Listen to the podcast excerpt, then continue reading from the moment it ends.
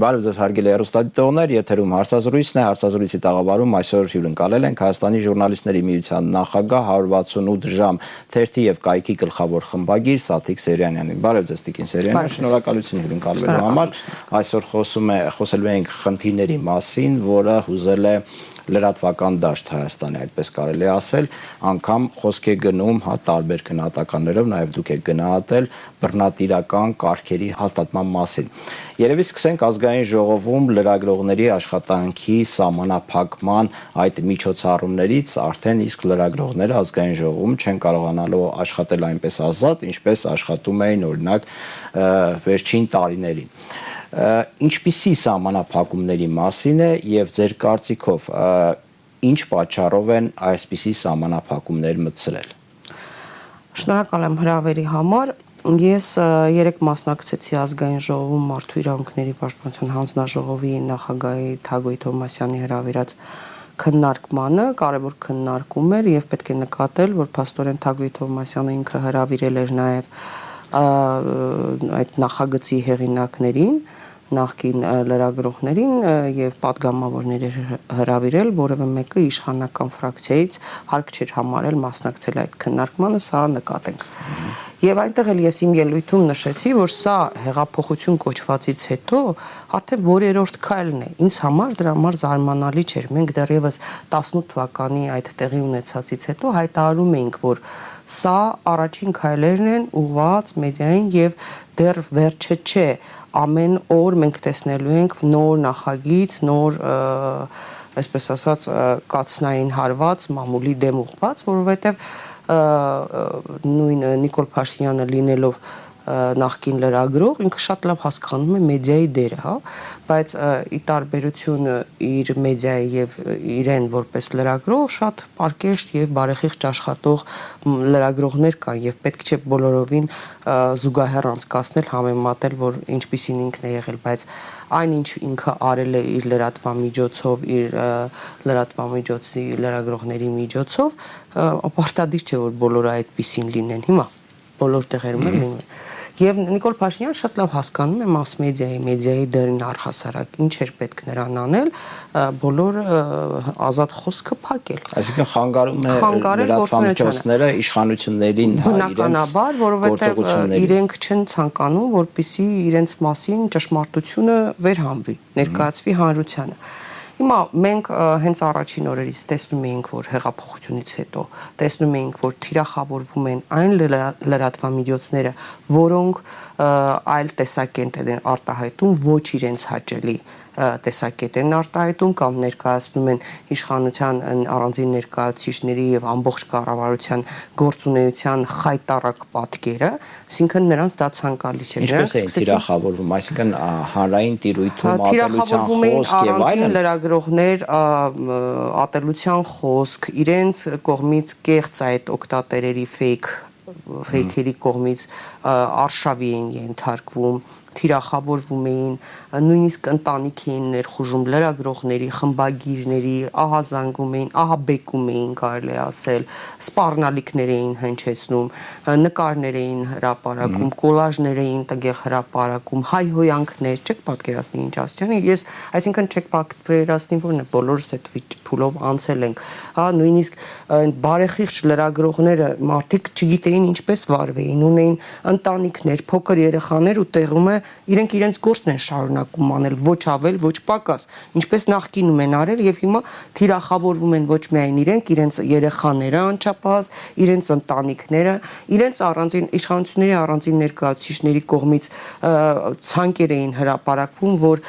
դիտեք ընթերցեք այս ինչ թերթը անպայման նշում էր Նիկոլ Փաշինյանի ընտանեկան թերթը իշխանա որոնք հետո պաշտոնյա դարձան այդ ցուցակները հրապարակողները այո հա? շատերը կարդացեք կամ լսեք, հետևեք այս լրատվամիջոցներին, սրանք վատն են, սրանք սև են, սրանք սպիտակ են եւ այլն։ Բայց ընթերցողը ինքը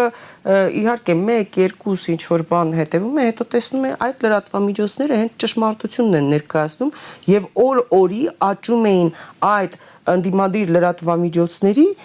դիտումների քանակները Եվ դա իրենց սարսափեցնում էր իշխանություններին, որովհետև իրենք ի վերջո մոնիտորինգ են անում, տեսնում են, որ չէ, օրինակ 5-րդ տալիքի Arnews-ի դիտումները սարսափելի աճում են օրինակ նույն 5-րդ տալիքի լրատվական թողարկումների դիտումները կամ արմյուզի ազատություն ռադիոկայանին, այսպես ասած, ստեսյուն են ասել, հա, կարելի ասել, որ շատ շատերը չեն նայում ազատություն ռադիոկայանը եւ տարբեր պատճառներով, որոնցից մեկն էլ այն է, որ հեղափոխություն կոչվածից հետո ազատություն ռադիոկայանը սпасարկում է այս իշխանությունների եւ մասնավորապես Նիկոլ Փաշինյանի շահերը կոնկրետ։ Այսինքն ինքը տալիս է կոնկրետ ինֆորմացիա։ Ընթերցողը ինչ պետք է անի։ Ընթերցողին դու չես կարող անդադ ճիպոտով ասել գնա սա կարթա։ Ի վերջո մարդը հասկանում է, որ սա ճշմարտությունն է ներկայացնում, եւ սա սարսափեցնում է իշխանություններին։ Հիմա երկրորդ քայլը իշխանությունների ո՞րն է։ Արդեն օրենսդրական տիրույթ։ Իրենք սկսեցին ինչ անել, ֆինանսական մուտքերին հարվածներ հասցրել, սկսեցին գովազդները սահմանափակել։ Տեսեք, Հայաստանում տնտեսություն կարելի է ասել 0։ Ահա հեղափոխություն կոչվածից հետո տնտեսությունը 0 է արտաքին պարտքը միայն աճում է հիմա ամեն քաղաքացի շատ գուցե շատերը չգիտեն մենք այստեղ նստած իրենք մեր հաշվին պարտք են կուտակում։ Այսինքն յուրաքանչյուր նույնիսկ չծնված երեխա արդեն ծնվելու է հսկայական պարտքիր ու սերի։ Տնտեսական դրախտին չեք հավատում։ Որովհետև իրենք ապաշնորեն, իրենք չեն կարողանում աշխատել, տնտեսությունը չի աշխատում։ Հա, ինչքան կարելի ասենք եվրոպական կազմակերպությունները, միջազգային կազմակերպությունները ինչ որ օգնություններ տան համաշխարհային բանկը վարկեր տա արժույթի միջազգային հիմնադրամը ինչ որ թեկուս ցածր տոկոսադրույթով վարկեր տա։ Պարտքը ավելացնում ես դու տնտեսությունը չես աշխատեցնում, դա քո խնդրեմն է։ Եվ հիմա ինչ են իրենք անում։ Իրենք տնտեսությունը չի աշխատում, Հայաստանում կարելի ասել միայն հանքարդյուն հանքարդյունաբերությունն է որոշակի աշխատում եւ այդ բուկմեյքերական շահմով խաղերով զբաղվող ընկերությունները, հա, եթե նախկին օնլայն կազինոները, հա, օնլայն կազինոները, այսպես ասենք։ Հիմա իրենք մի կողմից նախագծեր են ներկայացնում, որոնցով սпасարկում են այդ օնլայն կազինոներից որոշների որոնք հատկապես այդ հեղափոխություն կոչվածի եւ Փաշինյանի ու նրա թիմի քսակն են, այսպես ասած, կոնկրետ քսակն են եւ նույնիսկ ըստ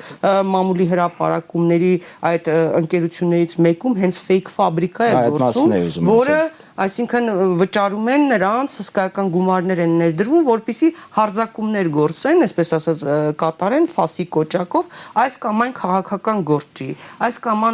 այն ընդդիմադիր գործ չի, այս կամ այն հասարակական գործ չի, լրագրողի նկատմամբ ովքեր համարցակվել են իրենց մասին ինչ որ կարծիք արտահայտել ոչ իրենց հաճելի։ Հիմա իրենք տարբեր նախագծերով հիշում եք այս տարիների ընթացքում ամեն ինչ արեցին որպիսի այդ ընկերություններից որոշների հատկապես շահերը սпасարկվեն եւ նրանք ընդլայնեն իրենց հնարավորությունները ասել ենք նրան որ այդ ընկերություններից մեկը արդեն այսպես ասած իրեն միևնույնն է Հայաստանի հետ ինչ կլինի Հայաստանի տնտեսությունը կզարգանա Հայաստանի քաղաքացին լավ կապրի վատ կապրի ինքը հիմա պատրաստվում է Լաս Վեգասներում ասենք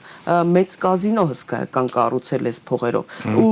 պետք է շնորհակալություն հայտնի այո նաև Նիկոլ Փաշինյանի հենց Նիկոլ Փաշինյանի կառավարություն, որ մեծ հնարավորությունների դաշտ ստեղծեց, արտոնյալ պայմաններ ստեղծեց, որ իրենք ել ավելի ծաղկեն։ Հիմա Այդ ընկերությունների մի որոշ ժամանակ հետո սկսեցին սահմանափակել ինտերնետ կայքերի հերոստանգերություններում, կայքերի էջերում հերոստանգերությունում առհասարակ մեդիա տիրույթում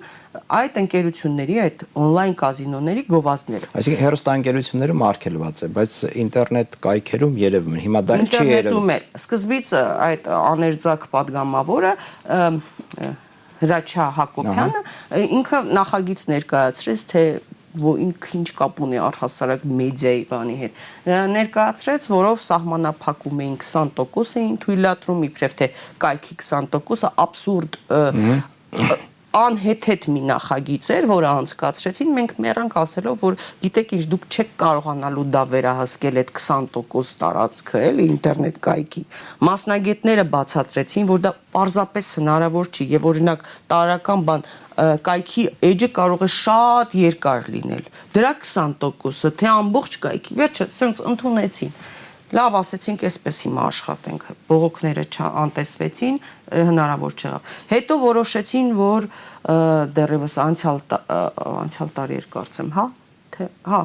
որ պետք է բան անեն, ժամային գոտի սահմանեն, որ երեկոյան ժամային։ Մենք ասում ենք, լսեք, այո, մենք առաջին հերթին մեդիաներս դեմ ենք խաղամոլությանը պետք է դրա դեմն առնվի, բայց ձեր այս գործողություններով դա ընդհանրապես մտրակ է մեդիաների գլխին։ Բացատրեմ ինչու։ Այսինքն ֆինանսավորումն է սահմանափակում կամ կտրում ընդհանրապես։ Մեդիան ինչպես է գոյատևում կամ սնվում, հա, այո, լինում են նաև հովանավորչական միջոցներ, Նիկոլ Փաշինյանը լավագույնս դա կհաստատի, կար կառուն օրինակ է իր լրատվամիջոցը հատ-հատ կարող ենք ներկայացնել, էլի հիշողությունները ստեղում են ինչպես է աշխատել եւ այլն բայց նաև թիվ 1 եկամուտը առաջանում է գովազներից հիմա եթե տնտեսությունը չի աշխատում ինչ է գովազդեն հանքարդյունաբերությունը մեծ հաշվով ինքը գովազդի կարիք չունի։ Մնում են այդ շահումով խաղերի գովազդները։ Հիմա եթե տնտեսությանը մեջ դա է, դա է ինքը գովազդում, որտեվ ասենք նախկինում եթե մրցակցում էին համարա պաղպաղակը շանտ պաղպաղակի հետ կամ չգիտեմ Grand Kenzie-ի հետ, որպիսի իրենց սպառողին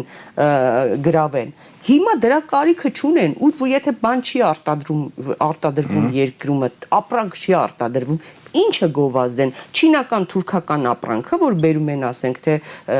բաներում վաճառում ինչը գովազդ սա ֆինանսական տեսակետից զգալի հարված է բավական զգալի 60-70% հարված է հասցնում սա այսինքն մուտքետ կրճատվում են բայց մենք ֆինանսների նախարարությունում էլ հանդիպեցինք հանդիպում ունեցանք այնտեղ բացատրեցինք որ ժողովուրդ ջան դուք սրանով չեք դրա դեմը խաղամոլության դեմը չեք առնում, որովհետև ամբողջ քաղաքը ողողված է այդ պոստերներով ամենուր այդ գովազդներն են դա սոց վերջի վերջո դա ոչ միայն սոցիալական խնդիր է, դա քաղաքական խնդիր է նաև ենթատեքստում։ Դուք մի կողմից դա ռոպագանդում եք, դուք խրախուսում եք այդ ընկերությանը, նախագծեր եք անցկացնում շահումով խաղերով զբաղվող այդ on-line կազինոներով զբաղվող ընկերություններին մեծ արտոնություններ եք տալիս խեղտելով նրանց մրցակիցներին։ Մյուս կողմից դուք պայքարում եք մեր դեմ։ Սա ուղղված էր կոնկրետ մամուլի դեմ։ Իրենք խաղամոլությունը դրանով չէին չէին վերացնելու։ Ավելին ձեզ ասեմ, հա, հիմա էլ նոր տեղեկացա, որտեվ ես այս բավական երկար ժամանակ Հայաստանում չէի ու տեղեկացա քիչ առաջ, միջև եթերը գալը, որ նոր նախագիծ են հիմա էլ պատրաստում։ Ինչպիսի նախագծի մասին։ Այդ նախագծով էլ հիմա առհասարակ արկելում են գովազդները, նաև ասենք հյուրանոցներում, քաղաքում, չգիտեմ Այսինքն այդ on-line կազինոների գովազդներ են։ Կազինոների։ Բայց հիմա ես ուզում եմ հարց հնչեցնել։ Ինչքանով է տրամաբանական։ Տեղեկացա, որ սահմանափակումներ կային, չէ, որտեղ կարող է կազինոն գործունեություն ծավալել։ Դրա մեջ ուզում եմ այդ օրենքի մեջ ուզում եմ փոփոխություն անել, այդ մենյուի մի Վահան Քերոբյանն էլ էկոնոմիկայի նախարար նա էլ առաջ ասել էր որ կազինոյում կազինո բացեն նաև Ծաղկաձորում էս անեն են անեն ներդրումներ չգիտեմ ինչ որ քաղաքի մասին իրենք իրենց հակասում են հիմա ուզում են առհասարակ դա վերացնեն բայց այստեղ խնդիրը ինչն է լավ մեդիաները մի կողմ թողենք ուզում եք մեդիաներին վնասեք վնասում եք լավ պետության, պետ բյուջեն ինչի եք վնասում։ Հիմա որևէ քաղաքացի հիմա հենց կարող է մտնել, մուտք գործել ռուսական, ուկրաինական, վրացական, թուրքական, ադրբեջանական չթվարկեմ որևէ կայք մտնել եւ որևէ ֆիլմ փորձել նայել։ Ինչ է բացվում on-line կազինոների գովազդ։ Հայաստանյան on-line կազինոների գովազդը։ Այսինքն գումարները գնում են այլ պետություններ, որովհետև հարկեր են, չէ, մուծվում այդ գովազդերի համը։ Այլևս Հայաստանի բյուջե չի մուտք չի գործելու։ Այդ գումարները գնալու են դրսի բյուջեներ, այլ երկրների բյուջեներ։ Այսինքն չի բացառվում, որ օրինակ Ադրբեջանից կամ Վրաստանում որևէ ադրբեջանցի նման բաների կայքեր է բացում կայք բացել այսօր բարդ չի շատ հեշտ է ցանկացածը կարող է անել եւ սկսում է բան անել գովազներ տեղադրել այսինքն հիմնական ծիրախը մամուլն էր հա, հա որի պատճառով նաեւ բյուջեն է վնասներ կրում մամուլն է կրում հիմա իրեն քանի որ ինք այսպես պոպուլիզմի ինչպես ասում են հայրերն են հա այս դենը չկա այստեղ ես Հայաստանում չեմ հիշում որևէ այլ նման կարգի պոպուլիզմ իրենք գիտեք ինչ կարող են ասել կարող են ասել բանը վայ տեսեք ժողովուրդ մենք ուզում ենք on-line կազինոների դեմ պայքարենք այդ խաղամոլության դեմ պայքարենք բայց այդ մամուլը տեսեք ինչ վատն են այդ լրագրողները լրատվամիջոցները չեն ուզում իրանց գրպանի մասին են մտածում քավլիցի էտել արեք Զրկեք դրանից էլ, բայց դուք բյուջեն եք զրկում։ Այլ երկրների on-line կազինոներից են օգտվելու։ Դուք խնդիրը չեք լուծում։ Հենց հիմա Դերենիկ ջան, ես կարող եմ բացել Telegram-ային բազմաթիվ ալիքներ։ WhatsApp-երով, այլ ցան բաներով, կապի միջոցներով որոշ բացեմ։ Ուրեմն տեսեք թե ինչ ալիքներով, ինչ թմրանյութերի վաճառք է տեղի ունենում որը չի վերահսկվում ինչ վաճառք է տեղի ունենում, իրենք տեղյակ չեն, իրենց առանձին ներկայացուցիչներ չեն հովանավորում, դուք տեսեք ինչ առևտուր է գնում, դպրոցական երեխաներ, դպրոցահասակ երեխաներ ներգրաված են այդ ամեն ինչի մեջ եւ on-line խաղերի մեջ Նույն Telegram-ային ալիքներով ես կարող եմ ցույց տալ եւ թմրանյութերի վաճառքի բիզնեսի մեջ ինչ որ կլադմենների աշխատանքներով չի խայտարակ վիճակ է, այսինքն գիտեք ինչ ստացվում է բունը փտած է, փտում է, շարունակում է մարդուն այդ ոսկորը փտում է ու կյանքը չացնում է եւ դու պայքարում ես ինչ որ ձևական դեկորատիվ բաների համար ու քո խնդիրն ես լուծում պետք է հասարակությունը մի բան հասկանա Սա միայն մամուլի խնդիր չէ։ Գիտեք ինչ, նույն Սաթիկ Սեյրանյանը, Արամ Աբ รา համյանը, որևէ մեկը, ցանկացած մեկը, հա, Հարություն Հարությունյանը լինի, Սևակ Հակոբյանը չթվարկեմ իմ գործընկերներից, կարող են որևէ ցանկացած երկրում բացել որևէ կայք ու հանգիստ բարեխիղճ աշխատել։ Սա լրատվամիջոցի խնդիր չէ։ Սա լրագրողի առանձին իմ կամ ձեր մյուսի մյուսի խնդիրը չէ։ Հասարակությունը պետք է հասկանա սրա բուն նպատակը այս ամեն ինչի։ Սա դեպի բռնապետական կարգեր հաստատող հաստատման տանող ամենահիմնակարային իրենց քայլերից մեկն է. Լրացնել մամուլը, լրացնել ազատ խոսքը, լրացնել այլակարծությունը, որ որևէ մեկը հանկարծ չասի գիտեք ինչ այս այս մի որոշումով այդ գախտնի որոշումով, որ կառավարությունը չզեկուցվող հարցեր է ներկայացնում, դուք այսքան միլիոն դրել եք ձեր գրպանը։ Դուք այսքան լափել եք, ինչպես արտահայտվում եք նախկինների մասին։ Իրենք չեն ուզում, որpիսի լրագրողները բացահայտեն այդ ճշմարտությունը, որտեղ իրենք ընդամենը հողաթափերով փողոցից ոչ մի բան իրենցից չներկայացնող շատ-շատերը կենսագրություն չունեցող ասենք պատկերացնում եք փոխնախարար են նշանակում կենսագրությունը գրում է հերախոսազանգերին լավ է պատասխանում դուք էդ եք դուք տենց մարդկանց բերում եք դարձնում եք նախարար էս շեղջ ժողովրդի գլխին ու մեր բոլորի բերանը փակում ենք որ մենք չասենք լսեք օրինակ ասենք թե կաֆեի մենեջերին ինչի եք բերում ազգային ժողովի աշխատակազմում բարձր պաշտոն տալիս նա ով է կամ ասենք կահույքի փարակար կահույքի տնորենին որը Ալեն Սիմոնյանի հետ ինչ որ ինչ ֆինանսական հարցեր ունի բաժնետերեր են, ինչ են չեմ հասկանում, հա, բիզնես շահեր ունեն։ Ինչի եք բերում ազգային ժողովում աշխատակազմի դե, ղեկավար։ Կասեն ժողովրդից մանդատ ենք ստացել, անում ենք։ Դե կներեք, ով որփի գլուխ չի էս ժողովուրդ էս դե, հասարակությունը։ Հա, մենք նախկինների դեմ պայքարում էինք, նրանց արատավոր երևույթները նշում էինք, հիմա եկել են ավելի սարսափ։ Դրա համար երեք լրագրողներից մեկը նույնիսկ ասաց թող նախկինների բռնատիրական կարգերը կան։ Այո, ուզում եք նախկինների բռնապետական կարգերը չակերտավոր։ Տիկին Սերյանին, հիմա ձեզ կհակադարձեմ, որ այ այդ լրատվամիջոցները, որոնց նկատմամբ որոշների նկատմամբ ատելության մեծ դոզա էր գեներացվել, հա, հանրության կողմից ընդունված չեն, հանրությունը այդպես ու ասում են, էլի, լավ չի վերաբերվում լրագրողներին եւ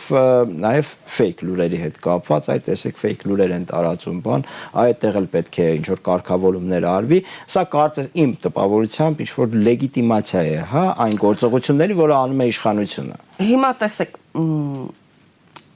ես բոլոր հարցերին պատասխանեմ հերթով։ Նախ մինչև է սահմանափակումները արդեն մի գործողություն կատարվեց մեր մամուլի դեմ մամուլը հիմա սարսափելի ծանր վիճակում է դիմակայում է ատամներով բոլոր հարվածներին, հա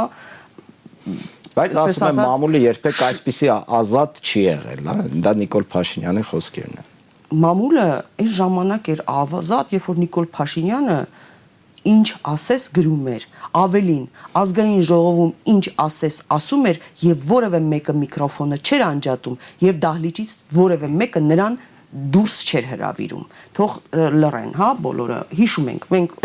իհարկե շատ կուզեին որով մեր հիշողությունը մի վարքյանում մթագներ բայց բարեբախտաբար չի լինում հիմա իրենք մի այսպիսի արշավել սկսեցին դերենիկ ջան իրենք դեռ ամիսներ առաջ մենք մեկ էլ հայտնաբերում ենք որ parzվում է իրենց մամուլի պաշտպան հրճակող կազմակերպություններ որոնք ՀՄԵԿ-ի հետ են համագործակցում, լավագույնս նախագծեր են անում,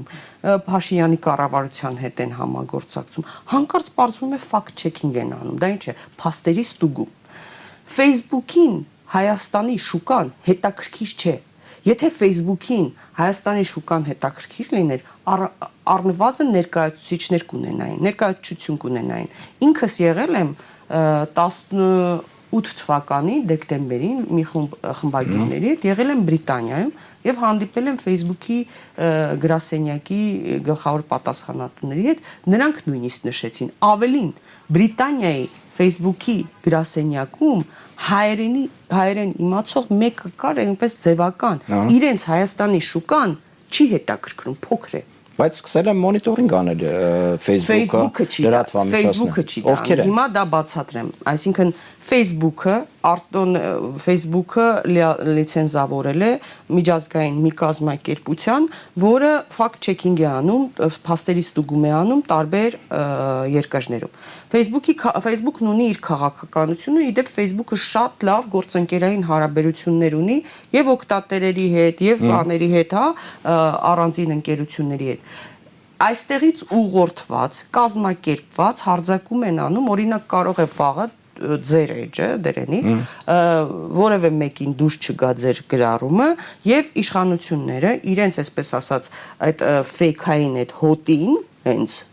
ուղղորդում են ասում են գրում եք Facebook-ին Facebook-ին որ սա ֆեյք է տարածում որ սա է սա անում սա են անում Facebook-ը այնտեղ նաև ռոբոտացված աշխատանք է։ Ինքը չի կարդում, թե դու ինչ ես անում, ինչի ես անում, որ դա գիտեք ինչ ընդհանրապես դա Այսինքն մեծ ծավալի բողոք եղավ միանգամից սահմանապատում։ Facebook-ը, հա, Facebook-ը ինքը իր քաղաքականությունը ունի ու նորմալ է, հսկայական ընկերություն է։ Ինքն իր ֆիլտրերն է դնում եւ դու ինքդ աշխատելիս Facebook-ի հետ աշխատելիս դու պահպանում ես այդ կանոնները։ Մենք էլ ենք ստանում, թե որպես անհատ, թե որպես կազմակերպություն շտկում ենք ընկերությունը ունի իր խաղի կանոնները։ Չես ուզում այդ խաղի կանոններին ենթարկվես, մի խաղա դուրս արի այդտեղից։ Հստակ է։ Facebook-ը շատ լավ է աշխատում, բայց այս հայաստանյան մի կազմակերպություն ուրեմն քանի որ իրենք չկարողացան միջազգային այդ փաստերի ստուգող հարթակից լիցենզա ստանալ, հա, իրենք հանկարծ սկսեցին աշխատել վրացական մի ընկերության հետ դեռ փոչերը հասկանում ենք ուր են որը լիցենզիա ունի որը լիցենզիա ունի միջազգային այդ փաստերի ստուգման կազմակերպությունից եւ այս ընկերությունը հայաստանյան սկսեց այդ վրացականի հետ աշխատել դա ասում Բայց լիազորություններ ունեն Հայաստանի տարածքի հետ կապված, այսինքն տիրույթի Իրենք համագործակցում են այդ բանի հետ։ Տեսեք, Facebook-ի հետ աշխատում է միջազգային այդ փաստերի ստուգման կազմակերպությունը, այդ փաստերի ստուգման կազմակերպությունը համագործակցում է վրացականի հետ։ Վրացականի հետ պայմանավորվածություն են ձեռք բերել հայաստանյան կազմակերպություն։ Եվ մենք այդ մասին խմբագիրներ, մեդիա սեկտորի աշխատողներ մենք չենք իմանում։ Որ կազմակերպության մասն է խոսքը։ Մեծ բանը ինչ է կոչվում նախաձեռնություն մեդիա նախաձեռնություններ նախքին ինտերնյուս։ Նախքին ինտերնյուսը, հա, որ կարդակ իրենց կանոնադրությունը մեդիա մեդիայի պաշտպան եւ այլն։ Ու իրենք հանրային հեռուստաընկերության հետ բազմատիվ ծրագրեր են անում Մենք հանկարծ իմանում ենք, մենք ինչից ենք իմանում, Facebook-ը այդպես բան ունի, նշան է դնում դեղին կամ կարմիր զգուշացում։ Եկել կարդում ենք, որ մեզ զգուշացրել են, որ ձեր էջը փակման կարող է ենթարկվել առհասարակ։ Հասկանում եք մարդկանց, այսինքն որովհետև օրինակ այսինչ կազմակերպությունը ասել է վրացական այսինչ կազմակերպությունը ասել է որ դուք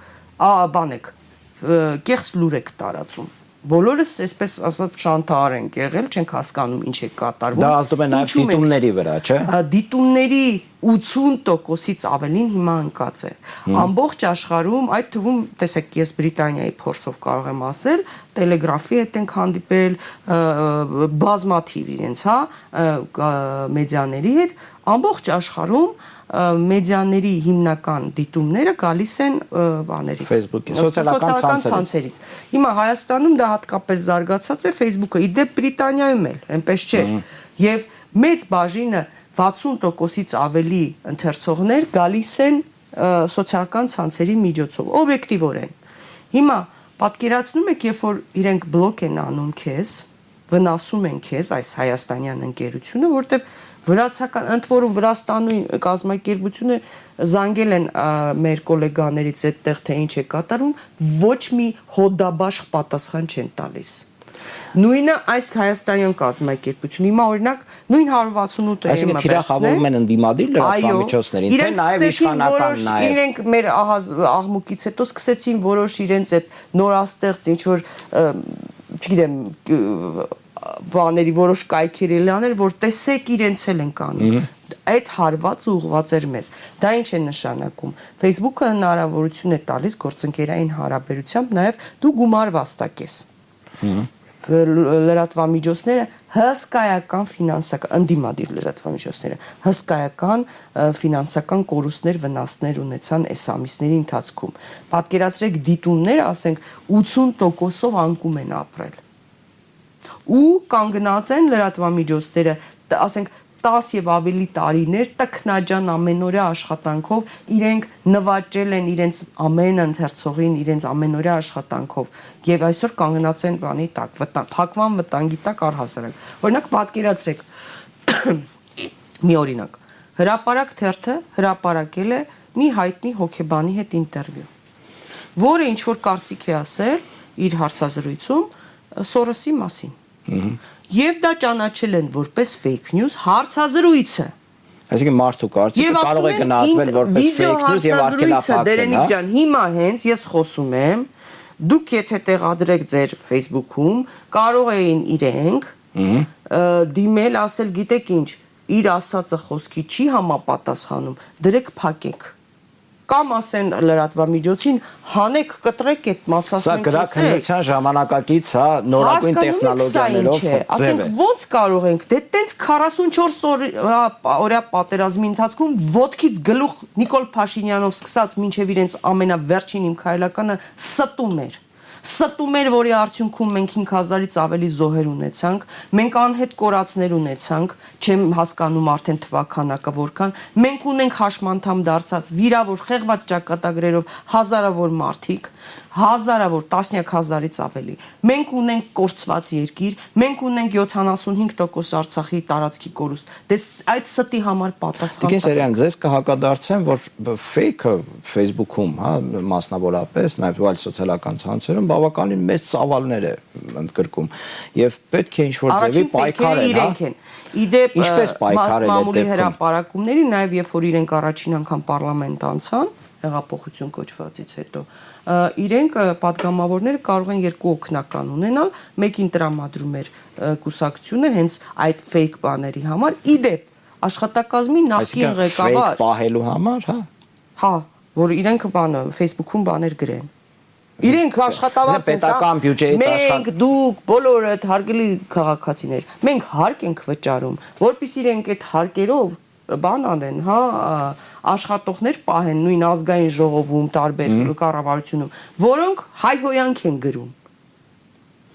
Կա, այդպիսի աշխատանք կա։ Կա։ Հիմա զարմացած։ Նաև մամուլում բազմաթիվ հրապարակումներ են եղել այդ կապակցությամբ։ Նաև օրինակ աշխատակազմի նախկին ղեկավարի տեղակալ երեք որի մասին ասացի աղջնակ։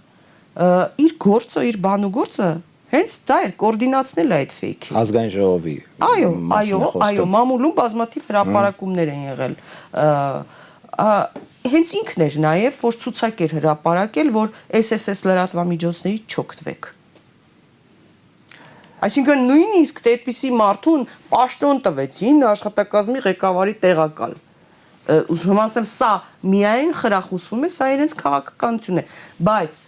հարգելի հասարակություն պետք է դուք հասկանաք Խնդիրը ոչ Սաթիկ Սեյրանյանն է, ոչ Արմինե Օհանյանը, ոչ Թագուի Թովմասյանը, ոչ Հարություն Հարությունյանը, ոչ Արամ Աբրամյանը, ոչ մեկ։ Այսինքն խնդիրը լավ, մեզ լրացրեցիք, բայց դուք եք զրկվում տեղեկացված լինելու իրավունքից։ Ձեր ականջներն ու բերանները փակում են, երբ որ դուք խնդիր եք ունենում։ Ես հիմա կարող եմ բացել իմ հեռախոսը, նա ցույց տալ, թե ամեն օր քանի քաղաքացի է դիմում ինչ խնդրով, ինչ ահազանգով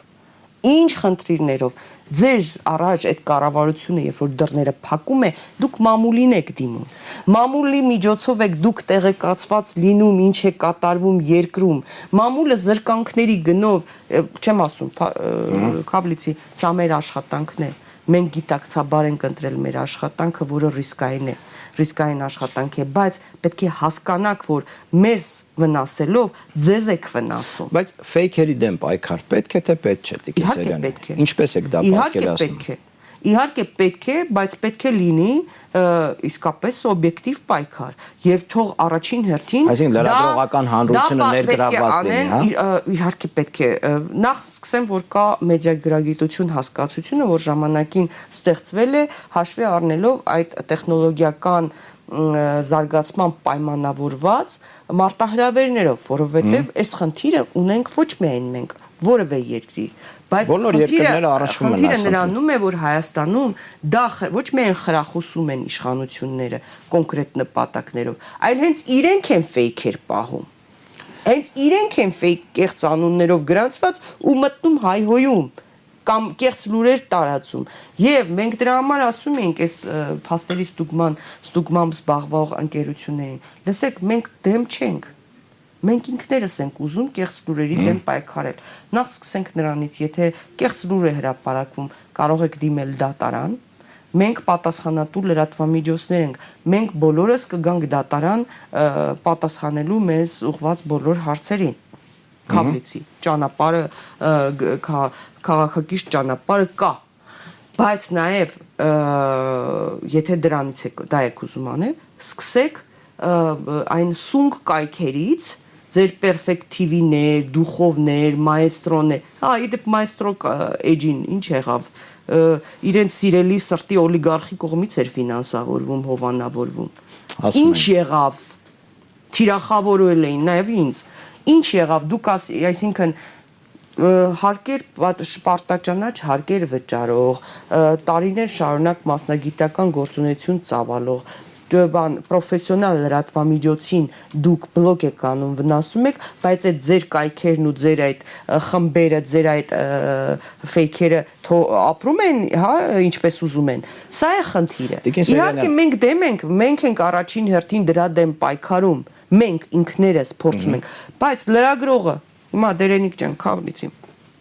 44 օրյա պատերազմը վկա։ Մեր բերանները փակել էին հսկայական պատժաչափերի հասնող պատժամիջոցներ սահմանել ֆինանսական պատժաչափ։ Կարծեմ դուք դուք անվեցիք, հա, արված։ Չէ, չեմ չեմ էլ վճարել, չեմ էլ վճարել եւ ես որոշ դեպքերում այլևս իմ նյարդերը չէին դիմանում, որովհետեւ մենք ինֆորմացիան ստանում էինք, որ գիտեինք, որ Շուշին արդեն տվել են ու իրենք դեռ հաղթանակից են խոսում կամ ինչ։ Մենք այդ ամբողջը մենք շատ բան գիտեինք ու մեր բերանները փակել էին, լրացնել էին ու ասում էին, եթե որևէ մեկս ինչ որ բան էին գրում, մեզ հայրենիքի դավաճան էին անում, սյունը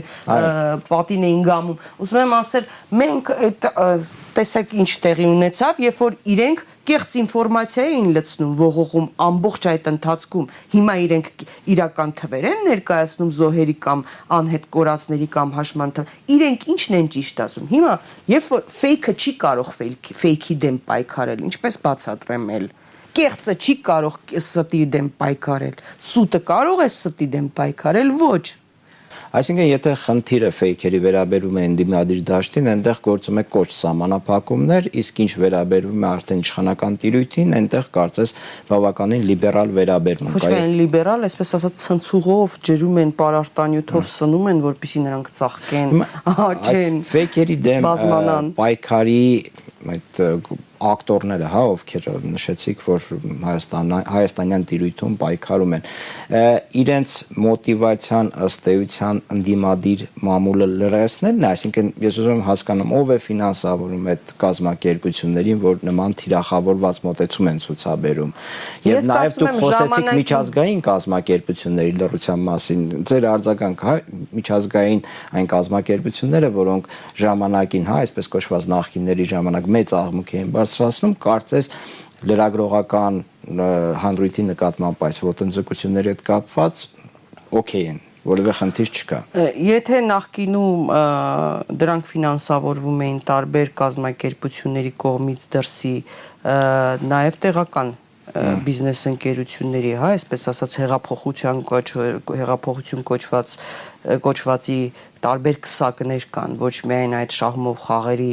on-line կազինոների տերեր, նաև չէ, նաև միջազգայիններին կանդրադառնամ հիմա, այլև նաև իրենց սրտի օլիգարխներ, որոնք հիմա պարլամենտում են եւ այլն շատերը օգնել են դրան այդ բյուջեն նրանցով լցվել է եւ նաեւ միջազգային տարբեր կազմակերպություններ հիմա դրանց պայմանական ասում են սորոսներ բայց տարբեր տեղերից ինչ որ գումարային աջակցություն եղել է եւ ակնհայտ էր այդ հեղափոխության օրերին նկատելի էր, չէ, ինչ միջոցներ են հսկայական ծախսվում։ Դա ակնհայտ էր, կարող է շարքային քաղաքացին չի նկատել իրենց թվում է այդ բինտը, չգիտեմ, սրտիկով բինտը, իրենք միգուցե դա դա իրենց իրենք հավատացել են եւ մարդիկ ես հասկանում եմ, չէ, զում չեն ուզում անկեղծորեն են հավատացել։ Չեն ուզում խապված լինել, դա սարսափելի զգացում է, որ իրենք հավատացել են մարդը, հա, մենք սովորական մի մարդուն հավատում ես շատ ու նախ քեզ ողջում է սուտ է ասել ամբողջ ընթացքում, խափել է, ստել է, ինչ որքան ծանր ենք տանում։ Դուք պատկերացրեք գլոբալ առումով մարդիկ հասարակությունը էմոցիոնալ, ազնիվ հավատացել է, հույս է ունեցել եւ հիմա բարձում է որ այդ ամբողջը սուտ է եղել։ Ես դա, ես դա հասկանում եմ։ Դժվար է մարդկանց խոստովանել, ինքնախոստովանել, բայց այդ ամբողջը ֆինանսավորվել է հստակ տեխնոլոգիաներ են կիրառվել, կազմակերպվել է այդ ամբողջը։ Եվ հիմա այո, մենք օրինակ Հայաստան ժուրնալիստների միությունը առիթը բաց չի թողնում միջազգային կառույցներին դիմելու կամ իր հայտարարությունները ուղարկելու, իր զեկույցները եւ այլն։ Եվ զրո արձագանք